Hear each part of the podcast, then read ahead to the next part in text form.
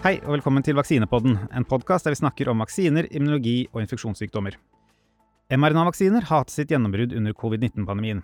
I Norge er det satt over 7,5 millioner doser med RNA-vaksine, og globalt er det satt over en milliard doser. Så vi begynner med andre ord å få en ganske god oversikt over hvordan disse vaksinene fungerer. I dag tenkte vi også å oppsummere litt det vi vet om eh, mRNA-vaksiner, og samtidig se litt fremover eh, på hvordan vi ser utviklingen av RNA-vaksiner gå fremover. Er vi, hvordan ser vi for oss at disse vaksinene blir brukt eh, i fremtiden, og for hvilke infeksjonssykdommer? For å belyse disse te temaene så har vi i dag med oss Ranveig Bråten, som er vaksineforsker ved Oslo universitetssykehus. Og som vanlig også med oss Gunnveig Grødeland. Mitt navn er Enfossum. Fossum, og vi jobber også som vaksineforskere ved Oslo universitetssykehus og Universitetet i Oslo. Så bare for å starte på det helt elementære. Eh, kanskje vi skal ta en rask oppfriskning av hvordan RNA-vaksiner fungerer. Nå har vel de fleste hørt mye om disse vaksinene eh, i løpet av pandemien, men bare en kjapp sånn eh, Hvordan fungerer RNA-vaksiner? Ja, eh, du har jo da eh, Prinsippet er at du har mRNA, som eh, inneholder oppskriften på et eh, protein, i dette tilfellet spike, som er på overflaten av eh, SARS-CoV-2-viruset. Eh, den oppskriften er pakket inn i fettpartikler, som etter vaksinering vil bli styrt til cellene dine. Da vil cellene ta opp denne mRNA-oppskriften på spike, og de vil med sitt maskineri produsere proteiner som så immunsystemet ditt gjenkjenner som noe fremmed, og danner beskyttende responser mot. Vi hører ofte en del sånn folk som, som omtaler dette som veldig ny teknologi. Eh, og, og, det stemmer jo i og for seg at eh, mRNA-vaksiner har jo ikke vært i omfattende bruk eller på den måten vi ser nå, før covid-19-pandemien. Så de har jo fått sitt gjennombrudd her. og men allikevel så er jo dette her snakk om egentlig ganske gammel teknologi. Det er uh, helt nytt er det ikke. Det, det, er jo forskning på dette her som går tilbake flere tiår. Ja, ja, ja. Altså Hvis du går tilbake til 70- og 80-tallet, så hadde man allerede da utvikla metoder for hvordan man kunne ta og så bruke eh, RNA for å produsere protein i cellekultur. Og dette er en av de helt basale teknikkene som vi bruker på laboratorium. Eh, og så, i eh, 1984, så var det en på Harvard, han heter eh, Douglas eh, Melton, som faktisk i sin gruppe fant ut hvordan man kunne syntetisere og lage altså kunstig mRNA eh, basert på det maskineriet som finnes i virus. Så det tok han ut og brukte. Og med en gang du har muligheten til å framstille mRNA kunstig, så åpner det seg jo òg muligheter for bruk f.eks. innen vaksiner, selv om det tok veldig lang tid før man kom der. Men det åpnes flere muligheter. Mm, for da, det, det, tillater at man da kan lage, sånn tilpasse mRNA til en hvilken som helst sykdom man måtte ønske.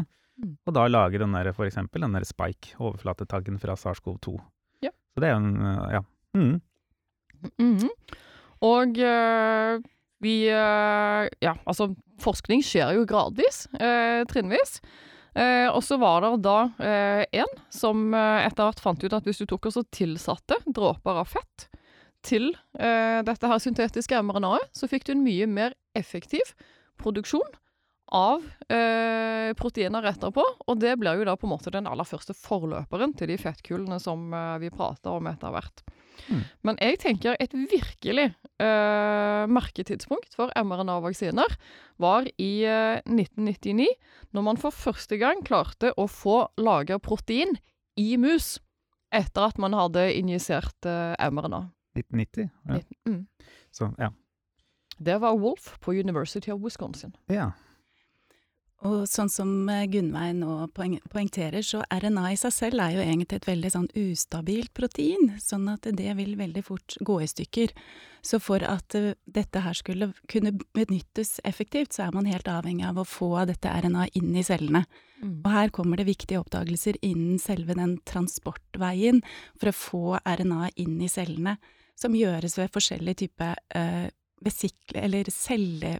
Uh, varianter eller lipider som pakker seg rundt dette mRNA-et, som gjør at mRNA blir beskyttet mot degradering av ytre ting, men samtidig også åpner for at det kan komme seg effektivt inn i cellene som det trenger for å kunne bli oversatt til disse vaksineproteinene. Mm.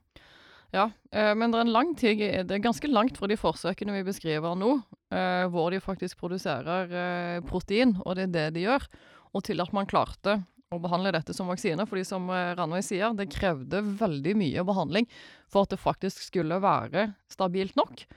Og eh, fungere bra nok til at man faktisk kunne tenke på det som en vaksine. Eh, og så langt jeg har klart å finne, så er det den første gangen man faktisk klarte å finne eh, bruk for mRNA som vaksine i 1992, hvor du faktisk fikk immunresponser i mus mot et protein som var produsert av eh, mRNA.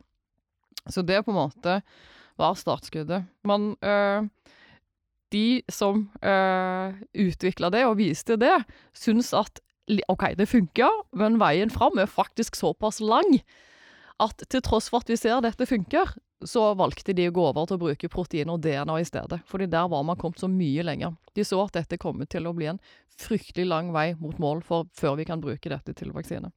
Og det er jo litt interessant. Mm. Og vet du at Vi da, vi kommer da til, til det stadiet at de har eh, lagd RNA-vaksiner. De har liksom kommet fram til fettpartiklene som, som hjelper med å pakke det inn. Eh, fått levert det i mus. Eh, fått immunresponser. Eh, da er vi da likevel 30 år siden. Ja. Så hva på en måte derfra til kliniske studier? Eh, vet du noe om det? Altså når, når var det de begynte å bruke mRNA-vaksiner i mennesker, og hvorfor har det på en måte ikke slått gjennom før, før egentlig nå? Ja, Det er et godt spørsmål. Eh, fordi altså, den første liksom, vaksinen som ble utvikla, var en mRNA-vaksine som skulle bli brukt mot eh, kreft av i 1997. Og det er en terapeutisk eh, vaksine. Eh, og den ble testa klinisk. Mm. Eh, og det var vel den første som jeg har funnet som ble testa klinisk. Eh, men effekten der var ikke så veldig god, rett og slett. Eh, og det selskapet som da ble etablert, tok òg og valgte å faktisk fokusere på andre teknologier eh, før de eh, gikk videre.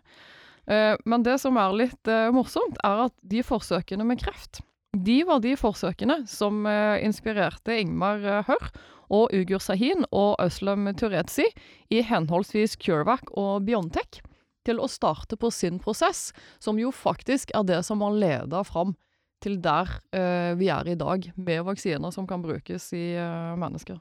Mm. Et annet viktig arbeid er jo også uh, en egenskap egentlig ved RNA ved at kroppen i seg selv vil jo ikke ha mye flytende RNA rundt omkring, sånn at det stimulerer faktisk til det innate immunrespons apparatet til å ta, ta, det vekk og degradere det, eh, slik at det ikke starter noen responser, for det tyder på en form for eh, infeksjon i kroppen. Sånn at i startproblemene ligger også i at man i starten eh, satte til mRNA, og så startet man en respons som rett og slett tok vekk vaksinen, mm. slik at du ikke fikk noe respons av vaksinene eller av bruken av mRNA som, som uh, reagens, eller som uh, virkestoff, da. Mm. Eh, sånn at det, en viktig oppdagelse der er jo at man gjorde eh, blant annet at man pakket det inn i vesikler, sånn at det er beskyttet utenfor cellen.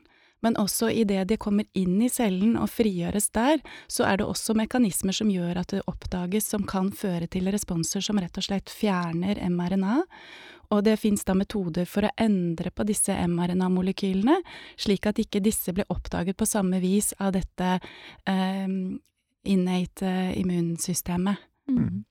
Og det er, eh, altså dette er det medfødte immunsystemet ja. som uh, du prater om, Ranveig.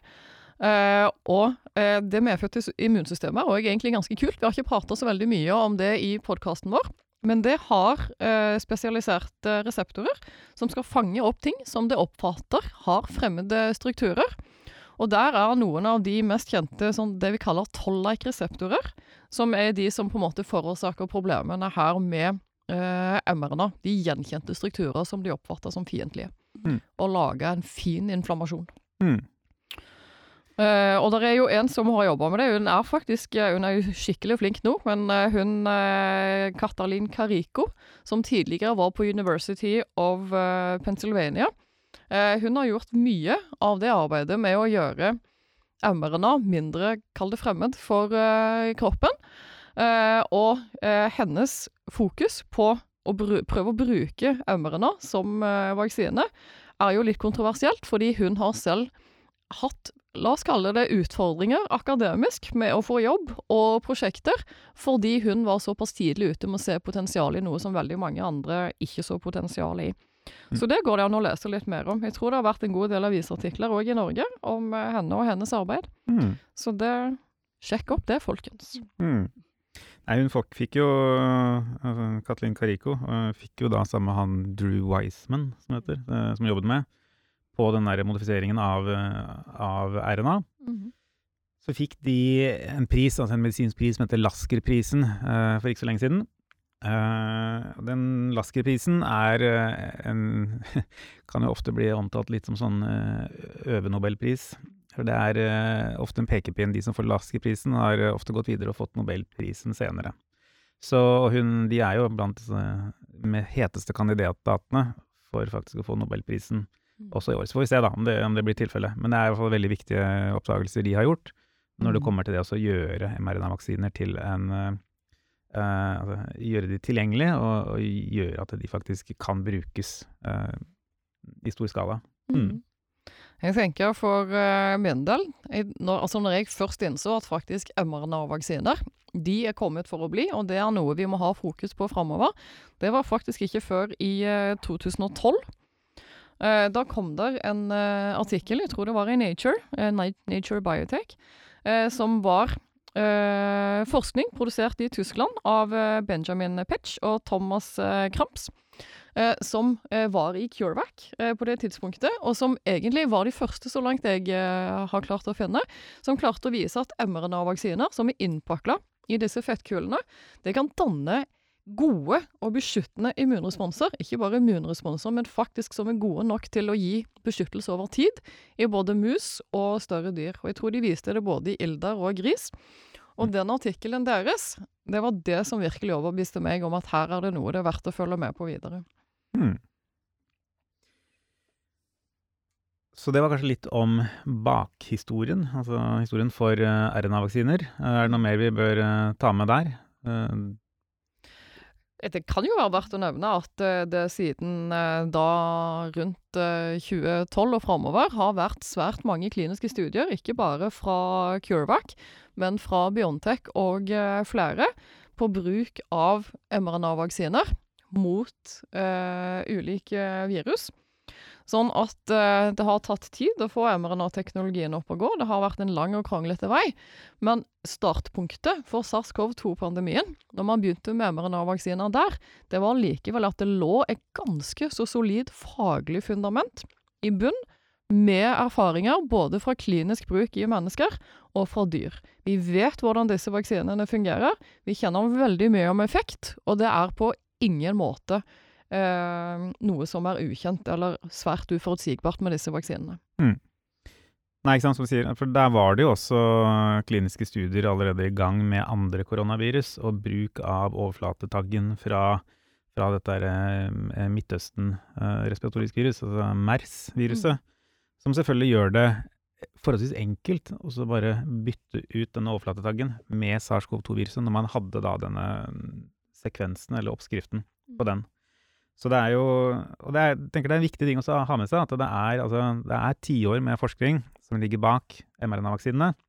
Uh, og tiår med altså, investering i den type altså, grunnforskning på sant, alt fra hvordan levere RNA til celler, hvordan gjøre RNA mer stabilt, som da har lagt måte fundamentet for at vi hele tatt i dag, altså i, i 2019 eller 2020, kunne rulle ut mRNA-vaksinene såpass raskt, da. Mm. Så, og det tenker jeg er viktig poeng med altså, hvorfor det er viktig å investere i grunnforskning. At det er ikke alltid like lett å se sluttproduktet. Mm. Uh, men det kan være oppdagelser som, som gjør, uh, muliggjør teknologi fremover i tid, som, som kan være uh, ja, spesielt viktig altså, i en pandemisk situasjon. Mm. Så, så litt videre. vi har jo etter hvert også, som sagt, det er jo veldig mange mennesker som etter hvert har blitt vaksinert med disse vaksinene. Eh, effektiviteten av de Har vi Av de vaksinene som vi har uh, kommet med, tenker dere på? I Ja, slett, hvor, hvor effektive og- har de vært? De har jo vært overraskende og veldig effektive. Både Moderna og Pfizer har jo over eh, 95% beskyttelse allerede ved fase 3-studiene sine. Og man ser jo også i Israel, hvor man har hatt en veldig stor eh, bruk av Pfizer-vaksinen og gitt eh, eh, to doser, så har man jo sett at eh, det har vært over 95 eh, eller mellom 90 og 95% beskyttelse mot alvorlig sykdom, men også sykehusinnleggelse i starten hos dem. Mm. Det er eh, disse, disse si, dataene fra den virkelige verden som da kom vel å merke da mens denne alfa-varianten var den som sirkulerte, altså den som var nærmere den opprinnelige varianten. Men det jeg tenker er viktig her, er egentlig å presisere at uh, som uh, Altså, nå kjørte man enorme fase 3-studier, og etterpå, siden dette var en vaksine som ble rulla ut i hele befolkningen, så sjekka man òg effekten etterpå i en enda større befolkning i den virkelige verden. Eh, som du sier, ikke bare fordi folk var utvalgt for å delta, men virkelig i den virkelige verden. Eh, og det er egentlig unikt at man har så mye data. Og det som er skikkelig kult, er òg, som eh, Ranveig sa, at beskyttelsen fra fase 3-studien ble òg bekreftet i eh, disse befolkningsstudiene. Eh, og nå gikk han jo litt ned med delta og nye varianter, men altså funnene fra de vitenskapelige studiene, de står. Absolutt.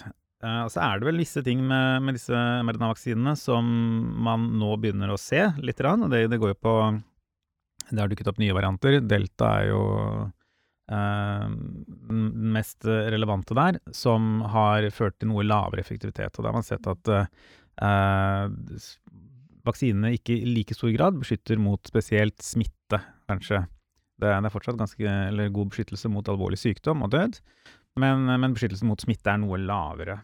Um, Ja, og der er det jo sånn at på en måte Jeg tror det er òg viktig å si at det er ikke farlig å bli smitta. Det er først farlig å bli smitta når du faktisk blir syk. Uh, sånn at en vaksine som beskytter mot at uh, smitte utvikler seg til alvorlig sykdom, og som fortsatt, til tross for alle de delta-variantene vi nå står overfor, gir en effekt som holder seg over 90 det er helt suverent. Og så er det noen uh, avisoverskrifter her og der som noen gang forteller at uh, effekten av vaksinene går ned, og dette er bekymringsfullt, og det er tall ned i uh, 20% etter én dose og 60-80% etter to doser. Og det er mot uh, symptomatisk sykdom, mot mild sykdom. Det virkelige tallet, det som er viktig, er beskyttelse mot alvorlig sykdom og sykehusinnleggelse, som òg uh, Ranveig sa, og den ligger stabilt over 90 Det er veldig viktig. Nå er det snakk om også altså Vi har også sett at det er eh, disse antistoffresponsene avtar noe over tid. Mm. Eh, det er i og for seg naturlig. Vil kanskje forvente det etter, etter vaksinering, at du, du har en initiell, eh, kanskje sterk respons av antistoffer, Mm. som da etter hvert som tiden går, begynner å avta. Mm. Og løsningen virker jo å være at nå er det flere land som har gått i gang med å vaksinere, altså gi en tredje dose. Eh, og der har vi jo Danmark har gått i gang med å vaksinere de over 65 med en tredje dose. Mm. Eh, USA har vel er det over 60 til Mm. over 65 de har gått for, men i hvert fall de valgte å holde seg til de eldste, rett og slett, eller de i risikogrupper. Og i Norge er det for, foreløpig kun de i risikogruppene som man har eh, valgt å gi tredje dose til. Mm. Så får vi se da, hva, hva tenker du der? Da blir det også til de over 65 i Norge? Ja, jeg tenker Aller først så bør vi gå tilbake til denne svekka antistoffresponsen og si hva det medfører. Fordi du sier eh, helt riktig, Even, at det er noe som er forventet, at den går ned. Fordi det som skjer når du blir vaksinert, er at du får aktivert B-celler som produserer antistoffer. Og noen av de B-cellene vil etter hvert bli til hukommelsesceller som ligger klar. Eh, og neste gang du tar og blir smitta, så spiller ikke det noen rolle om du har noen særlige antistoffer igjen etter den første vaksineringen. Det som spiller en rolle, er at de hukommelsescellene ligger klar til å bli reaktiverte og danne nye responser. Eh, og så er det som du sier, det er en del land som har valgt å gi vaksine til eh, de eldste og mest utsatte. Eh, og det eh, er ikke egentlig fordi det er noen som frykter at disse vaksinene helt har mista sin effekt, men rett og slett fordi man ser at de eldste er spesielt litt mer utsatt for lavere effekt etter vaksinering, kombinert med at de er mer utsatte for eh, alvorlige følgesymptomer hvis de får selv en liten infeksjon. Eh, og vi vet at det å hindre smitte og den første infeksjonen, der er disse antistoffene ganske viktige. Sånn at hvis du hever nivået av de med en tredje dose, så gir du økt beskyttelse til den mest utsatte gruppen som eh, kunne trenge det. Og det tenker jeg faktisk er fornuftig. Mm. Og man ser jo også at disse mRNA-vaksinene har egentlig hatt en ganske god effekt hos de eldre. For det har jo vært gjort ganske mange studier som viser at for Pfizer så har denne første fase tre-studien vist at beskyttelsen hos hele aldersspennet ligger veldig høyt. Det var noe redusert for Moderna for de over 65 år, men allikevel så har prosenten med beskyttelse der også vært relativt høy i forhold til at de eldre kan ha en del eh, andre ting som gjør at immunrespons responsene svarer litt dårligere.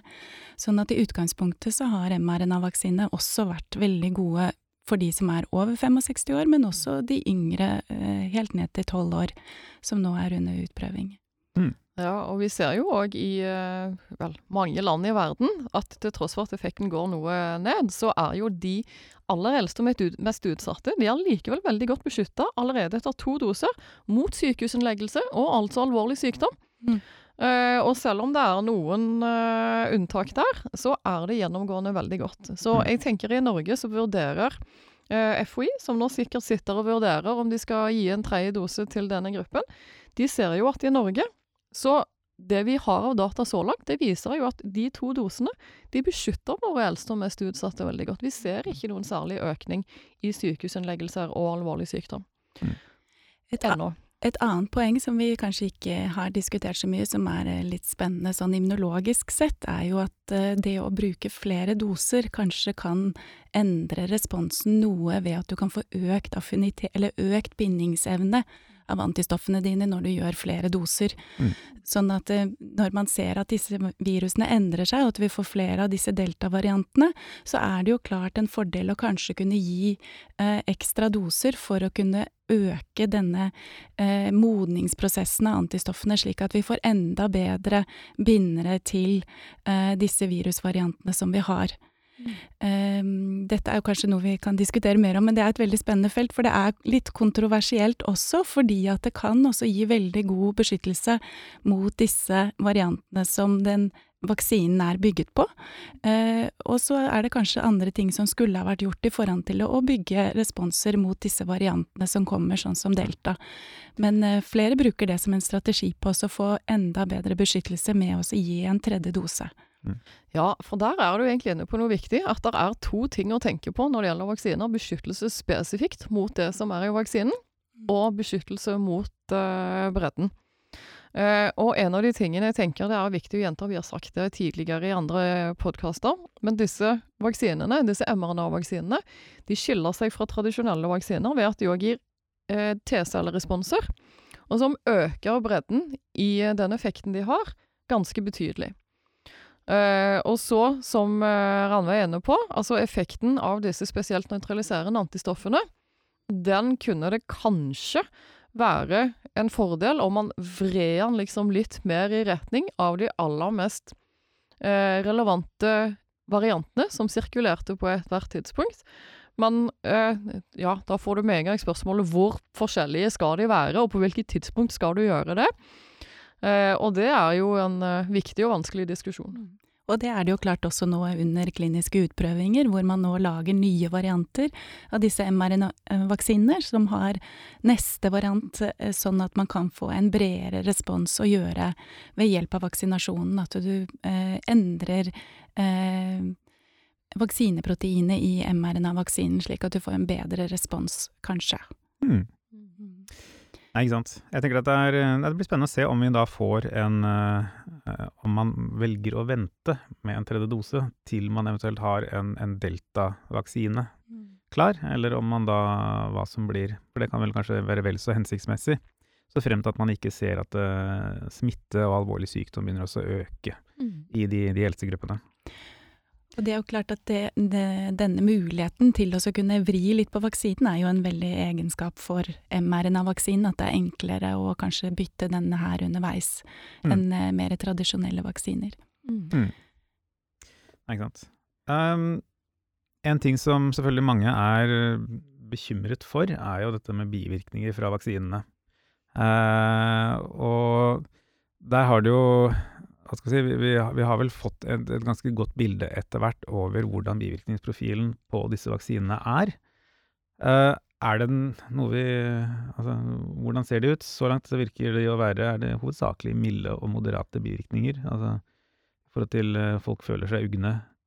Eller Ja. Ja, ja det er absolutt det. Uh, altså både for uh, Pfizer og uh, Moderna-vaksinen. Nå sto det helt stille et øyeblikk hvor Moderna het.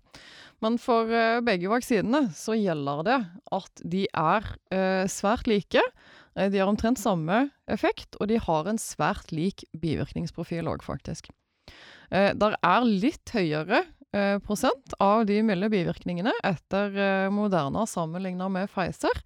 Men jeg klarer ikke helt se at det er relevant. Altså Det vi vet, er at etter eh, første vaksinering så er det noen som får uh, bivirkninger. Det er ja, noen, ikke mange, slett ikke et flertall. Men etter andre uh, dose så er det en majoritet som får noen bivirkninger. Og det gjelder enten de blir vaksinert med Pfizer eller Moderna. Og uansett hvilken av de du blir vaksinert med, så er den absolutt vanligste bivirkningen at du kjenner litt sånn uh, smerter og stramming på stikkstedet. Og Mm. det går over i løpet av en dag. Sånn som vi har snakket om før, så har jo mRNA-vaksinen vært i veldig mange kliniske utprøvinger, i, og da har man vel sett at det har vært en tendens til at en høyere mRNA-dose faktisk kan gi noe mer kortvarige bivirkninger og plager, Mm. som har gjort at man kanskje har gått litt ned i, no- i dose, da. Og der ligger vel Moderna litt høyere eh, i dose enn Pfizer. Mm. Dette går vel på igjen på dette som vi snakket om eh, i stad, dette med det medfødte immunforsvaret. Altså når, du, når vaksinen settes, da, så stimuleres disse eh, signalmolekylene, som egentlig er der for å advare om infeksjon ved, ved naturlig eh, Ja, at det nå kan det være en smitte på, på gang, og setter i gang selve betennelsen. Det er jo de som også da bidrar til at man får disse eh, bivirkningene av type hodepine, litt sånn forkjølelsessymptomer, Mm. føler seg uggen. Altså, det er rett og slett bare immunresponsen som sparkes i gang. Eh, og de går gjerne over eh, i løpet av et par dager. Eh, Ja, altså man skiller mellom lokale reaksjoner, som er liksom smerte på stikkstedet, og systemiske, som typisk er den inflammasjonen eh, som du prater om, som er ja, feber og uggenhet og slitenhet og trøtthet og alt dette her. Eh, og det som er eh, egentlig ganske fint, er at når du tar og sammenligner det som finnes av studier fra hele verden av bivirkninger etter vaksinering, så er det sånn at den aller store majoriteten av bivirkninger de går over etter 24 timer. Og så er det noen, eh, etter andre dose spesielt, hvor du kanskje kan føle deg eh, litt sliten eller har smerter på stikkstedet i kanskje to dager. Noen sjeldne tilfeller så har du bivirkninger i tre dager. Og i noen helt ekstremt sjeldne til, eh, tilfeller så føler du deg sliten eller har andre bivirkninger, kanskje opp mot en uke eller to. Men det er helt ekstremt sjelden. En av bivirkningene som kanskje har kommet, eh, som eh, har vært litt mer alvorlig kanskje for mRNA-vaksinen, og som også har kommet og beskrevet en del mer i aviser og eh, litteratur, er jo rett og slett at det har vært en økt forekomst av allergireaksjoner mot disse mRNA-vaksinene. Som er på en måte litt eh, oftere enn det man kanskje skulle forvente. Eh, nå er det teorier som tilsier at kanskje dette skyldes en del antistoffer hos enkelte mot en del av den eh, eh, lipidkappen som pakkes rundt mRNA-vaksinen for å få den til å gi tilgang til cellene. Eh, og at det, fordi at den inneholder et stoff som heter PEG, som det også finnes i en del tannpasta eller sjampo eller andre ting, som en del, pasient, eller en del folk har da utviklet litt responser mot, og som da, når de får denne vaksinen, gir en allergisk reaksjon. Ja, men der er det fryktelig mye vi ikke vet ennå. Fordi du sier, eh, som du sier, eh, PEG eller polyetylenglykol, det finnes i veldig mange av de produktene som vi omgir oss med til daglig. Eh, både hudkremer og drikker og mat og litt av hvert. Sånn at en ganske stor andel av befolkningen har faktisk antistoffer mot eh, dette molekylet i eh, sera allerede. Eh, det til tross så er det svært sjelden at disse personene får noen form for allergisk reaksjon mot vaksinen. Men det er noen få tilfeller hvor man har funnet ut at det faktisk er tilfellet. Men de er svært få. Det var de man fant, eh, hvis dere husker tilbake, helt tidlig når man begynte med eh, vaksinering, så var det noen som fikk anafylaktisk eh, sjokk, og som ble slått ganske stort opp i media. Eh, og hvor det da viste seg at eh, de personene, de hadde ganske sterke, kjente allergier allerede. I noen grad kjent PEG eller ikke kjent PEG. Mm. Men de fikk da veldig kraftige responser. Så derfor så gikk man veldig fort over til at hvis du hadde kjent eh, kraftig allergi, så skulle du ta vaksinen under forsterket tilsyn, som vil si at du skal ta den når det er basically en eh, helsestue eller sykehus tilgjengelig, i tilfelle. Mm. Eh, men det er mye vi ennå ikke vet om PEG, og jeg tenker det er et veldig viktig forskningsområde videre. Ikke bare pga. vaksiner, Mm. men fordi dette jo faktisk er et kjemikalium som omgir oss i hverdagen, Mm. Og eh, som vi vet veldig lite om eh, langtidsvirkninger av. Mm. Hvis jeg husker disse tallene riktig, så er altså det, det er forholdsvis sjelden det er snakk om. Det Mm. var, eh, Jeg syns jeg så noe- noen tall som gikk på omtrent fem, altså fem tilfeller per million satte doser sånn av den type anafylaktisk sjokk. Så det er ikke noe som Man skal ikke være veldig bekymret for dette her, men det er bare noe å være, være obs på. Ja, og det er Eh. òg viktig å si at anafylaktisk sjokk det kan skje og skjer etter Mm. alle vaksiner. Mm. Det er derfor du uansett hvilken vaksine du tar, må sitte 15-20 minutter på venteværelse under oppsyn før du faktisk får lov til å gå noe sted. Mm. Det er fordi det alltid er en sånn risiko ved vaksinering. En annen bivirkning som har kommet fram, eh, er jo dette med eh, hjertebetennelse. Mm. hjerteposebetennelse. eh, etter, eh, som, som er en bivirkning som er i hovedsak eh, blitt observert eh, blant yngre menn, altså menn under 30. Mm. Eh, der man har sett noe økt forekomst. Igjen så er det ikke, det er ikke snakk om noe veldig hyppig, dette her. Det er, eh, eh, det er ganske få tilfeller, jeg husker ikke helt frekvensen, ja, men det er eh, eh, en på 20 000. Den husker ikke jeg eller- heller, men det er eh, et lite antall per million. Ja, Det er ekstremt sjelden. Sånn at det, men man har sett en, en, en økning, det har man. Uh, men dette her vet noe om dette, eh, type, den type hjertebetennelse. Dette er noe som også forekommer etter eh, vanlige infeksjoner. gjerne. Altså man ser en økt forekomst etter type virusinfeksjoner. Ja, altså både vaksine og virusinfeksjon medfører en eh, inflammasjon i kroppen. Og i noen veldig sjeldne tilfeller, enten det er et virus eller vaksine som møter deg, og SARS-CoV-2 eller andre virus òg, så får man da altså en inflammasjon i hjertet eller hjerteposen. Eh, og hvorfor dette fortrinnsvis opptrer hos unge menn, og hvorfor det inntreffer i akkurat de eh, det skjer hos, det vet vi rett og slett ikke. Eh, men det som er viktig å presisere, er jo at det er Vel, hvis du får det, så kjenner du det. Og hvis du da oppsøker lege, så er den vanlige behandlingen rett og slett å dempe den smerten som du føler. Fordi det går stort sett over av seg selv. Selv om det gjør litt vondt, så er det veldig mye smertestillende behandling som eh, brukes. Eh, og av de som har fått det, så er de aller, aller, aller fleste som trenger sykehusinnleggelse etter å ha fått eh, hjerte- eller hjerteposebetennelse, de er ute igjen av sykehuset etter to dager. Sånn at poenget mitt er ikke å eh, si at dette er noe vi ikke trenger å tenke på, for dette er jo absolutt noe vi må forske mer på og finne ut av, men det er ikke noe å gå og bekymre seg for. Hvis man skulle eh, få vaksine og kjenne disse symptomene, så er det å gå til lege, og så løses det veldig, veldig raskt. Hva er symptomene, sånn, siden, du, siden du nevner det? Det er, Hvis du tar og sliter med å puste og får hjertebank, rett og slett. det er tungpust, vondt Tungpust. i smerte, vondt i brystet, smerte i brystet, er ikke det? Ja. Mm. Yes.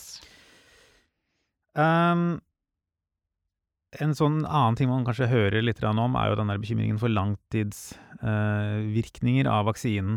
Eh, og det, er eh, rett og slett gjerne knyttet til usikkerhet. Det er folk som er kanskje ekstra bekymret for, disse vaksinene, og, da er bekymret for om det skal det på en måte oppstå et eller annet om ett år, om to år, om ti år. Eh, selvfølgelig, det er jo veldig vanskelig å si noe om hva som skjer etter ti år. Eh, den, så, så, den data har vi ikke lenger, men vi kan jo si litt om altså, hvor sannsynlig er det for at, eh, at det oppstår langtidsbivirkninger etter lang tid. Jeg vil tenke at det er eh, svært lite sannsynlig. Uh, altså, hvis du Ja, vi vet jo ikke data fram ti år, men det som på en måte man kunne frykte, var at det skulle dannes uh, autoantistoffer mot vaksine. Det vil være en av de største truslene. altså antistoffer som blir dannet av vaksinen, men som så senere kan gjenkjenne noe du trenger i kroppen din, og derfor forårsake problemer. Det var litt det som skjedde med eh, narkolepsi i 2009 og eh, svineinfluensaen. Eh, og det kan selvsagt eh, alltid skje. Imidlertid så er det sånn at de tilfellene tidligere hvor det har skjedd, så har man oppdaget disse antistoffene og denne bivirkningen relativt kort tid etter vaksinering i de første tilfellene. Det gjorde man òg i 2009. Det gikk lang tid før man faktisk klarte å forstå den mekanistiske sammenhengen mellom disse bivirkningene og vaksinen, men man så de bivirkningene ganske tidlig, og i løpet av det første året. Så langt med SARS-CoV-2 så er det ingen indikasjoner i det hele tatt fra alle de vaksinene som er satt, på at man kan forvente noe tilsvarende når det gjelder autoimmune responser. Og dermed så er det ekstremt lite trolig at dette vil dukke opp som en helt ny ting lang tid framover. Mm. Sånn at det hadde jeg ikke vært bekymra for. Mm. Jeg tenker altså, Her er det også viktig at det, det, det er et spørsmål hvor lenge skal du gå så at en måte, Hvor sikker skal du være mm. før du tør å måte, ta en vaksine som tross alt beskytter deg, gir god beskyttelse mot en trussel som er her, her og nå. Mm. Uh, og hvis du skal uh, For altså, vi vet jo at uh, SARS-CoV-2-infeksjon kan være farlig. Ja, det er stort sett farlig for de som er litt eldre, mm. men også yngre jo, kan bli alvorlig syke. I tillegg så har du dette med senvirkninger av, av smitte. Der, der, en del sliter rett og slett med ganske sånn seriøse plager over lang tid etter, etter smitte. Mm. Så man må rett og slett sette dette litt opp mot hverandre og tenke altså, den, den ganske reelle risikoen av å bli smittet Altså pandemien, selv om samfunnet har åpnet nå, så er jo ikke pandemien over. Mm. Altså SARS-CoV-2-viruset sirkulerer jo fortsatt i befolkningen, og vil sannsynligvis fortsette å gjøre det framover, men med en lavere nivå, forhåpentligvis. Men altså risikoen er definitivt til stede for å bli smittet. Ja. Sammenlignet med da uh, med det det medfører, rett og slett. Og da det i forhold til en sånn potensiell langtidsvirkning av en vaksine, er uh, Ja, man bør og kanskje spesielt nå som vi åpner opp samfunnet igjen og vi ønsker å reise mer, så er det jo veldig fint å kunne ha en vaksine sånn at eh. For det er jo veldig forskjellig vaksinedekning i de forskjellige landene. Det er det. Eh, og så tenker jeg òg at eh, risikoen for uh, covid-19 den er jo litt uh, ulik i uh, ulike aldersgrupper. Uh, og vi vet jo at risikoen er størst når du er eldre. Det er derfor vi prioriterte de for vaksinering, og det er veldig fint. Eh, men jeg tenker òg at når det gjelder langtidsvirkninger etter infeksjon med virus, så har vi jo nå òg sett at i yngre som har gjennomgått en ganske mild infeksjon, så har flere av de ettervirkninger når det gjelder f.eks. tap av eh, smak, eh, smak og luktsans over tid. Og det er en bivirkning som du ikke får ved vaksinering i det hele tatt. Sånn at for òg yngre voksne, som ikke akkurat løper sannsynligvis en svært høy sannsynlighet for alvorlig covid-19, så vil ettervirkningene etter infeksjon være en god grunn til at de bør ta eh, vaksinen, hvis de ikke allerede har gjort det. En annen eh, viktig grunn til å holde på vaksineringen er jo at vi eh, ser jo at det vil være veldig vanskelig å stoppe covid-19 fullstendig, og at det ikke heller ser ut som det vil brenne ut sånn helt av seg selv. Så nye varianter vil jo komme. Så selv om eh, denne vaksinen kanskje ikke gir 100% beskyttelse mot alle de nye, så har vi mest sannsynligvis en veldig god basisbeskyttelse som vil gjøre at selv mot de nye variantene, så vil vi ikke bli alvorlig syke og heller få en boost som gjør at vi er bedre beskyttet. Mm. Så det er mm. kanskje den viktigste grunnen til å vaksinere seg nå, selv om det ikke er så mye covid-19 her nå. Ja, det er eh, veldig viktig. Eh, og så er det òg eh, selvsagt grunn til å si, det kanskje ikke helt on topic, men eh, man diskuterer jo nå, og kommer til å diskutere framover, vaksinering av barn.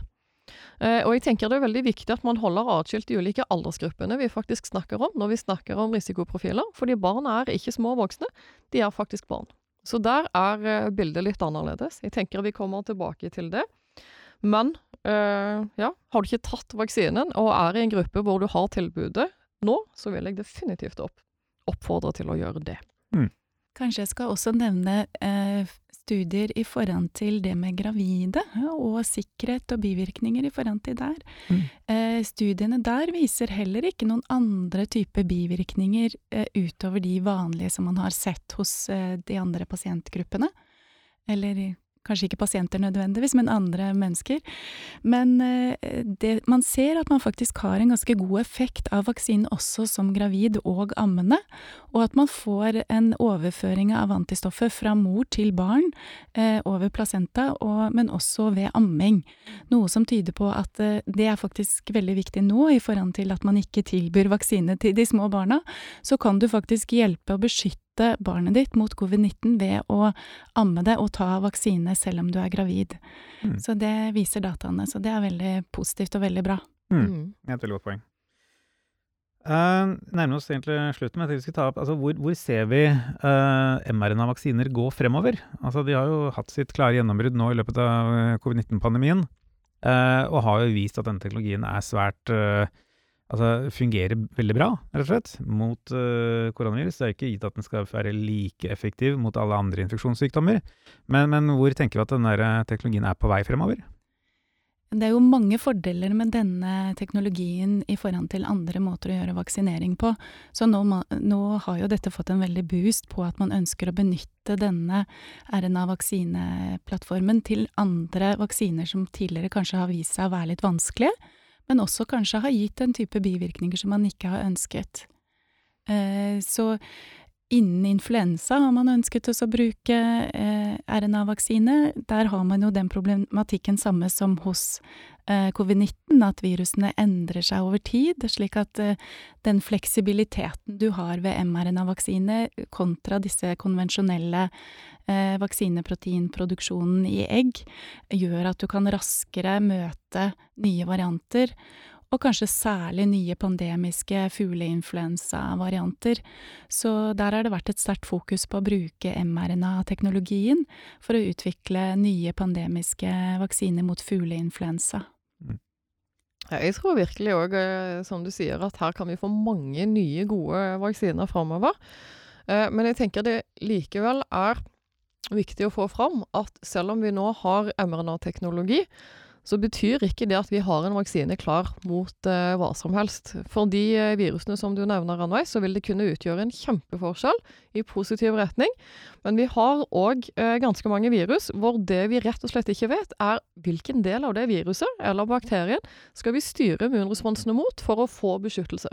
Og hvis du ikke vet det, så kan du heller ikke lage en eh, mRNA-vaksine. Eh, sånn at her er det eh, ganske mye forskning framover når det gjelder å forstå både virus og bakterier bedre, eh, og òg hvordan de interagerer med vårt immunsystem. Det er helt rett at man må kjenne sykdommen godt for å kunne lage gode vaksiner. Mm. Men teknologien har også vært brukt til å forbedre andre typer måter å beskytte mot, som man har benyttet på andre måter, ved f.eks. å produsere bredt nøytraliserende antistoffer. Eh, for hiv nå, som har vært en eh, sykdom som har vært veldig vanskelig å skaffe en vaksine eller lage en vaksine for, fordi at det også har en veldig stor evne til å endre seg over tid, så er man nå i kliniske utprøvinger med å bruke mRNA-vaksine for å gi et type antistoff til de pasientene som har hiv. Eh, fordi at man har funnet at dette antistoffet er veldig bra og kan faktisk beskytte mot hiv, men er veldig vanskelig for eh, pasientene selv å produsere, og at man finner de først hos pasienter som har hatt hiv i veldig, veldig lang tid. Så på den måten kan denne teknologien brukes på en annen måte som også eh, kan gi en veldig god beskyttelse. Mm. Fordi at det er mye enklere å lage mRNA versus å produsere disse antistoffene og så gi de til pasientene. Det blir en mye dyrere behandling. Jeg har vel også sett at eh, nå, nå er det så flere infeksjonssykdommer som, som det lages mRNA-vaksiner mot, men også sånne kombinerte vaksiner. At det er, eh, det er vel Moderna som er i gang med klinisk utprøvning nå av en, eh, en kombinert influensa-koronavaksine. Der du da gir rett og slett en RNA-vaksine med, med, flere forskjellige mRNA som koder for enten for influensa eller for koronavirus. Så kan, en, kan man kanskje se for seg at du får erstattet denne årlige influensavaksinen med en, en kombivaksine om, om, et par år, der du rett og slett er beskyttet mot flere typer type infeksjonssykdommer. Mm. Det som eh, jeg tenker egentlig dette illustrerer, er at eh, de ulike eh, selskapene nå for, forbereder seg på vår nye hverdag. Og vår nye hverdag er jo nettopp det at vi nå har fått et nytt virus som kommer til å inngå i, eh, blant sesongvirusene som hvert år kommer til å forårsake sykdom og eh, forkjølelse. Eh, så det kombinerer flere, sånn at eh, spesielt risikogruppene, hvor disse vaksinene er svært viktige, at de slipper å komme inn for flere vaksiner, men kan få alt i én eh, dose, det tenker jeg er veldig fint at man tester ut. Jeg lurer på om vi skal ta oss og avslutte på det. Uh, så kan vi heller Det er flere ting vi kunne snakket om her, men vi får heller overlate det til en, en, en fremtidig episode. Um, Tusen takk til Morten Skoglund ved Seksjon for medisinsk informatikk for uh, teknisk produksjon. Uh, takk til deg, Ranveig Bråten, for at du tok deg tid til å komme hit og prate med oss. Og tusen takk til deg som hørte på.